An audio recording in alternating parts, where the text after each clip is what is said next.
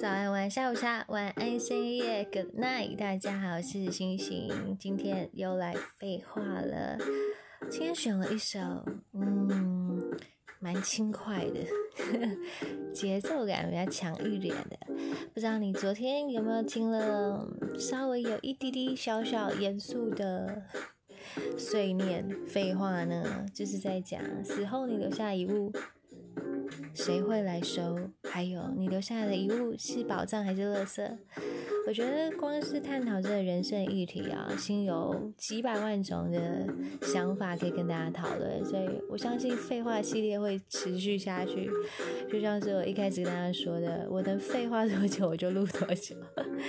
好，那今天呢，嗯，我们来谈的一件事情呢。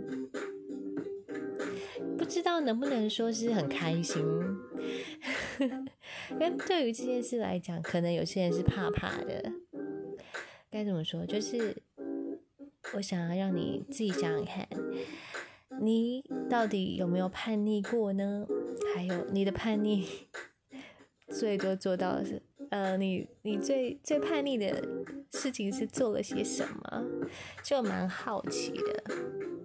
所以今天我就来跟大家稍微分享一下，呃，人生到目前为止可以搬得上台面跟大家说的叛逆事情。OK，为什么要这么开心？我也不知道。好。来，这个这个想法是来自于哪里？是来自于我前几天看李克太太，李克太太她的访问内容有提到，就是，呃，自己的人生是自己负责，父母是没有办法帮你的人生负责，也没有办法帮你开创幸福的这一条路。而且，我觉得他整集影片，嗯，他那天是访问 Apple 跟。鸡蛋布丁，然后如果你们有在追 YouTuber 的话，应该会知道。我觉得其实有时候我会东看西看，东看西看，然后有一些灵感就拿来自己胡思乱想，然后就跟你们分享。然后我觉得他那一集做一个很棒的结尾是：幸福不是一个目标，不是一个途径。是一种状态，就是幸福是一种状态，而不是你应该要朝着去做的一个方向跟一个目标，跟你要走的那条路才叫做幸福。我觉得整篇，嗯，整部影片的访问到最后，我觉得这个结语下的非常的好，我很能感同身受，而我也一直觉得，嗯，应该是要，应该是要这样子去。去调整跟去活出自己想要的样子，那活出自己想要的样子，就不得不谈谈叛逆这件事情。好，那我相信每个人或多或少在各个阶段都有经历过，我要双引号叛逆。但是叛逆在我们华人的社会里面，就是 违逆、违背。家长违背父母亲，违背家族祖训，违背好再大一点，违背学校，违背整个主流价值社会观，然后违背好呃呃那个什么人伦道义啊，违背呃宗教教派信仰。呃，什么教条准则？好，总之就是违背了一些绝大部分人都 follow 的准则，这叫做叛逆。那心也是一个从小就应该是被定义为是乖宝宝类的小孩。那我个性比较个性比较张狂一点，就是我可能是模范生，可能是。乖乖牌，但是我骨子里就是有那种想要反抗，或者是凭什么你说了我就要做那种。臭小孩的心态，然后我我耳朵也蛮硬的嘛，所以我真的耳朵很硬。我是说真的耳朵很硬，抽象来说我耳朵也蛮硬的，也就是我很常不听劝，这样我非得要自己吃个狗，就是叠个狗吃屎，呃，学到教训我才觉得说哦哦对对对，你们都说的都对这样。就是那种，你叫我往东，我硬要走西撞墙给你看。你叫我，你说一，我就偏要一点五，或者二，或者是一百一百八十度大转变给你看那种。因为我骨子里就会觉得说，我为什么照你这样做？可能我照你这样做，可能会过得很很平安，哈，会会会会，就是得到得到得到所想要的东西吧。可是我心里也许不认同你，或是我心里有一些内在的驱动跟渴望，觉得不，我才不是这样想呢。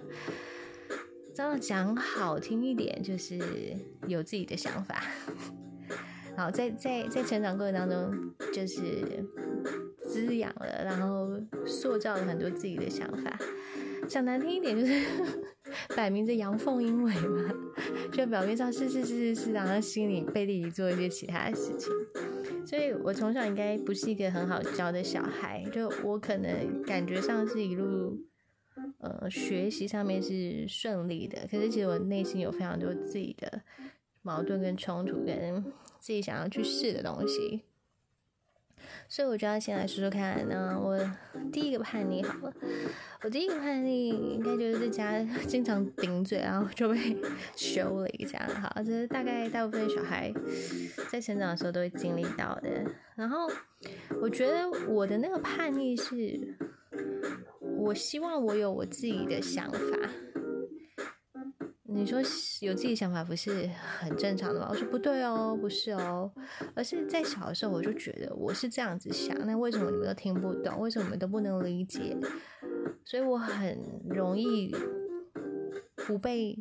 我们家的长辈们、家人们，或是兄弟姐妹们理解，因为我有我自己的想法，我觉得这件事情应该可能是怎样，或是怎样，所以在他们眼中，我就是很反骨，我就是不配合的，然后我就是叛逆的，我的叛逆期来的很早，搞不好十一二岁就是了，这样。嗯，我还记得，就是他们常会就说，哦，你到了青春期，你小心被你同学揍啊，你小心被霸凌啊，你小心怎样怎样怎样，因为你怎样怎样怎样，就是我的个性什么什么什么的。所以，嗯，可能我一开我小的时候就很早就出现，就是大人们的叛逆。可是对于学校老师们来说，我其实乖的要命，我其实乖的要命，我乖的很哎，所以我就觉得很矛盾，就是说出自己的想法，跟有自己不一样的心声，然后我把它表达出来就是叛逆，所以这是那我从小就觉得这一点都不合理呀。好，那就被冠上了你的叛逆期很早，然后你好像就是一个叛叛叛逆小孩这样。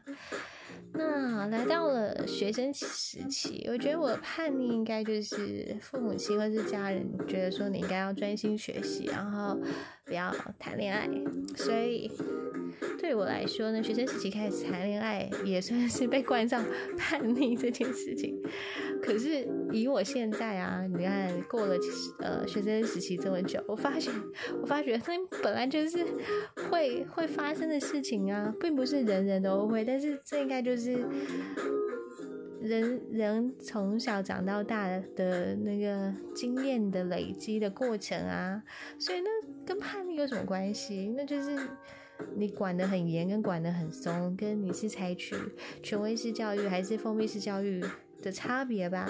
那并不是说，嗯，谈恋爱，然后，呃，认识更多朋友，不管是异性朋友、同性朋友，然后两小无猜这样纯纯的爱，就是叛逆。可是，在我的成长环境里面，这就是最大的禁忌之一，所以。这讲出来好像也不值得说是，哎，我叛逆哦。但是我现在想起来，好像的确，呃，也算是蛮叛逆的事情，因为，因为就是家里面禁止，你要觉得说你就是专心读书啊，那你交了男朋友或者你交了女朋友，你功课一定会一落千丈，你一定会变坏，你一定会怎样？然后我想说，这什么八股，什么八股思维啊？然后那时候呢，我就跟自己讲说，我我成绩不能掉，我们就是可以谈恋爱，然后又去图书馆，然后又可以念书，又可以考考试考得很好，我们就要证明给别人看，我们可以的，我们不会被别人说话。所以我的那种叛逆是有点。觉得说，你觉得你贬低我，你觉得我不行，我就是哔哔哔哔哔，那个消音一下，一串一串一串脏话消音一下，我哔哔哔哔哔哔，绝对是要给你无话可说这样。所以，如果说在学生时期谈恋爱是一种叛逆的话，那我就是一种我就叛逆了。不过我我觉得其实应该是跟从小家庭的教养跟教育观有很大关系。其实我我爸爸妈妈给的教育都是严格的，可两个人严格，却在这个严格当中又有一些出入跟差异。像我爸就是常会觉得说，嗯，你如果要做什么事情，你想清楚，那你有能力，你去做。那你要来谈条件，你拿筹码来，就非常伤人呐。所以导致成我有这种这种性格也。不完全是我自己生长出来的嘛，就是也是可能爸爸多多少少影响我，觉得说我只要有本事，然后我不做伤天害理的事情，我有能力去争取去 go for it，所以我就去做，那没有什么不对啊。所以我觉得这一点应该要感谢我爸从小就是潜移默化之下带给我的影响。我我到现在一直都是奉行着这个概念，就是。啊，我我有能力，你凭什么说我不行？对不对？我我可以创造自己的一条路，即便你们不理解，这不叫做叛逆，这叫做做自己。所以叛逆很常被人家拿来说，你就是做自己，然后就被呃传统派就冠定为叛逆这样。好，讲到这种家庭教育啊，小时候的这些有的没的，就可以聊聊个三天三夜也说不完。那再来长大的叛逆呢？长大的叛逆，我觉得应该是我选择了一条我家人不太能够理解的路，就是我的本行啦。我的本行就是他们比较不是这个行业的，所以在这过过程当中的辛苦，就是心酸，他们其实没办法，呃，具体的帮助你什么。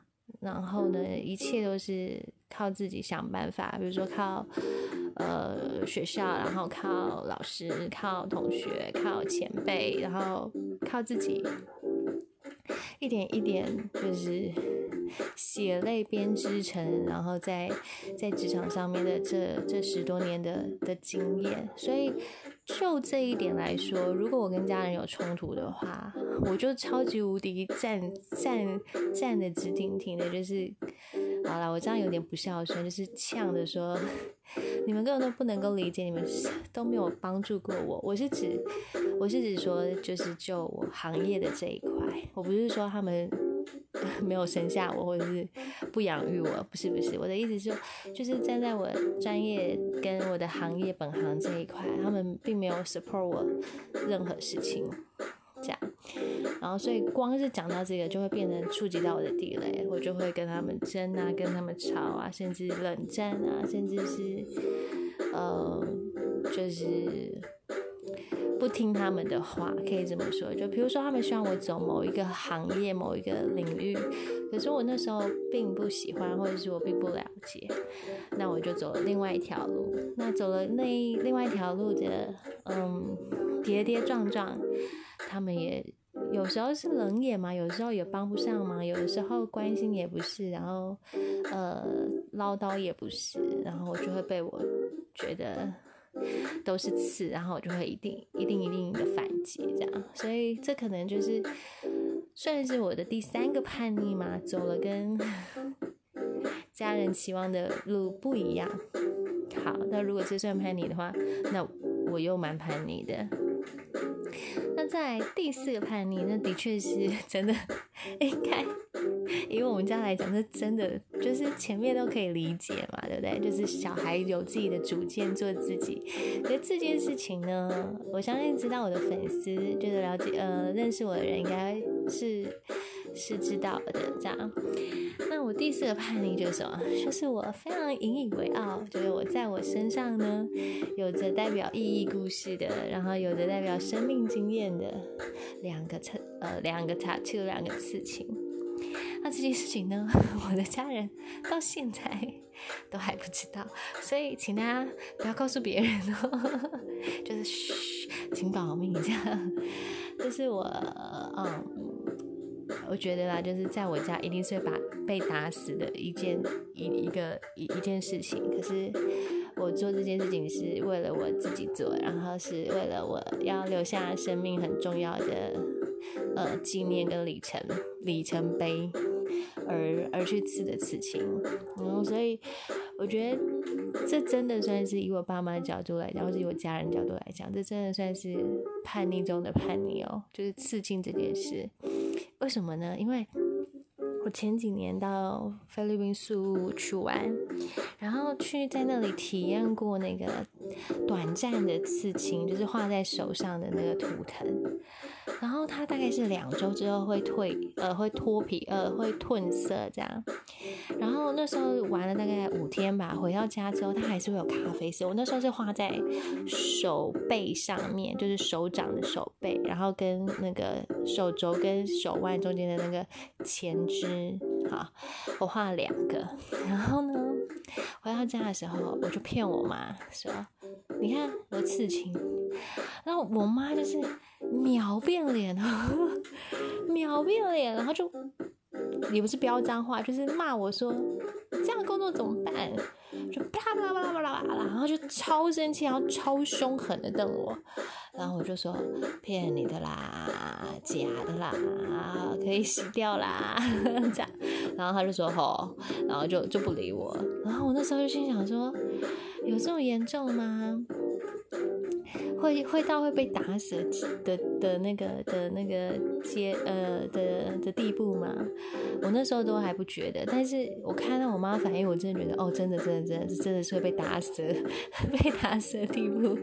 然后呢，我同样的招数就去跟我爸讲说，你看有没有漂亮？虽然它颜色淡淡的，但是有没有漂亮？这样，然后就一直在他那个面前这样晃晃晃晃。然后我爸因为年纪比较。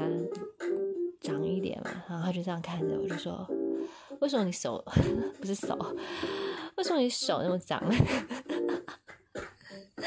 他觉得我手上面很脏，不知道被什么勾到了这样，然后说：“你要不要刷一下？” 我就说：“是刺青诶。”然后我爸说：“哦，是吗？”然后我就说：“啊，是可以洗掉的啦。”就我爸他表现也是蛮淡定的，然后我就想说。那个时候，大概那时候是我呃两三，应该是三年前哦，两三四年前，呃，那三四年前去玩的时候画的。然后因为我就不知道，就觉得还是很喜欢刺青的文化跟它所赋予每一个人的意义，所以这个这个种子就一直在我的心里面，想要去做，想要去做。那我也不是贸然的去做，我也嗯。收集了很多资料啊，然后上网查了很多资讯，然后爬板啊，总之我就会了解到这一切要怎么进行，之后我才去做。所以从我开始萌生我要刺青，到我真的实际去试，其实从年初到年尾，所以差不多一年一年的时间，然后我才决定，然后隔一年。隔一年又再去试了一个，所以这目前应该严格说起来是真的算是蛮叛逆的一件事情。就我的生命历程来说，那但是对我自己来讲，它是一个很美好的礼物。就我觉得这是一个我为了自己做过的美好的礼物，还有美好的决定之一。可是就我家人的眼光来讲，嗯，这大概算是蛮大的叛逆。好，这是第四个。那第五个叛逆是什么呢？哎，都，第五个叛逆就是现在我在做的这件事情。就其实，嗯，身边的人蛮少是知道我有在经营一个分身，就是我用我的呃声音还有口条，就是这是我很喜欢的广广播，然后。呃，创作语文、声音，然后写歌这些事情是我非常喜欢的，是我会让我感到开心跟快乐的事情。但它绝对跟我的本行没有直接的相关。然后我做这些事情也不是为了赚钱，当然，我希望以后他可能可以带给我不一样的收获，不知道，因为我现在就是完全是兴趣在做，所以在成长的过程当中，不断的去探索自己是谁，然后去突破。你可以称之为这叫做更认识自己，但在大部分呃已经习惯那个旧有的你的人来说，你这样突然的改变就是一种叛逆。所以呢，我现在在做的这些事情，应该也就是所谓的叛逆吧。可是我觉得这是好的，这是更懂得自己要什么，然后懂得自己去追求自己想要的生活，以及去活出自己的样子。所以对我来说，以前小时候觉得的那种叛逆是带有负向的意涵，可是现在我会反而会很很骄傲，或者是会很高兴的，嗯。肯定自己，哎，我做了这些，我不会后悔的决定，而且我很喜欢我做的这些改变叛逆，所以啊，今天就选了很轻快、很很高兴的曲风，然后其实你们听着我讲的也是很开心，因为我真的觉得人生苦短，你还在。迷失，你还在不知道自己的定位是什么，这都是正常的。因为我也一阵一阵，就是一下找到自己，一下没有找到自己，一下迷失，一下又觉得，嗯，我我我知道我该怎么做。我觉得，因为人是变动的，所以当在这个过程当中，你越来越能够，嗯，喜欢你所做的事情，喜欢你。朝向的目标，喜欢你现在的状态，就像我刚刚跟你们分享的，喜欢你现在的状态，那其实你就是开心、快乐跟幸福的。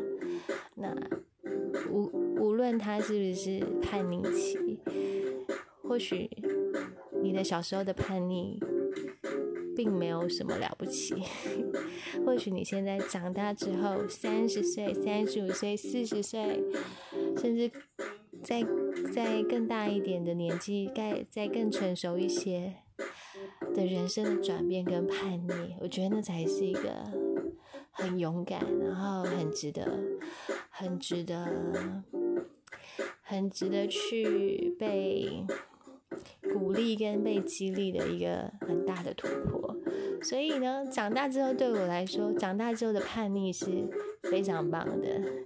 如果做什么样的决定，你都得承担你会遇到的风险跟责任嘛。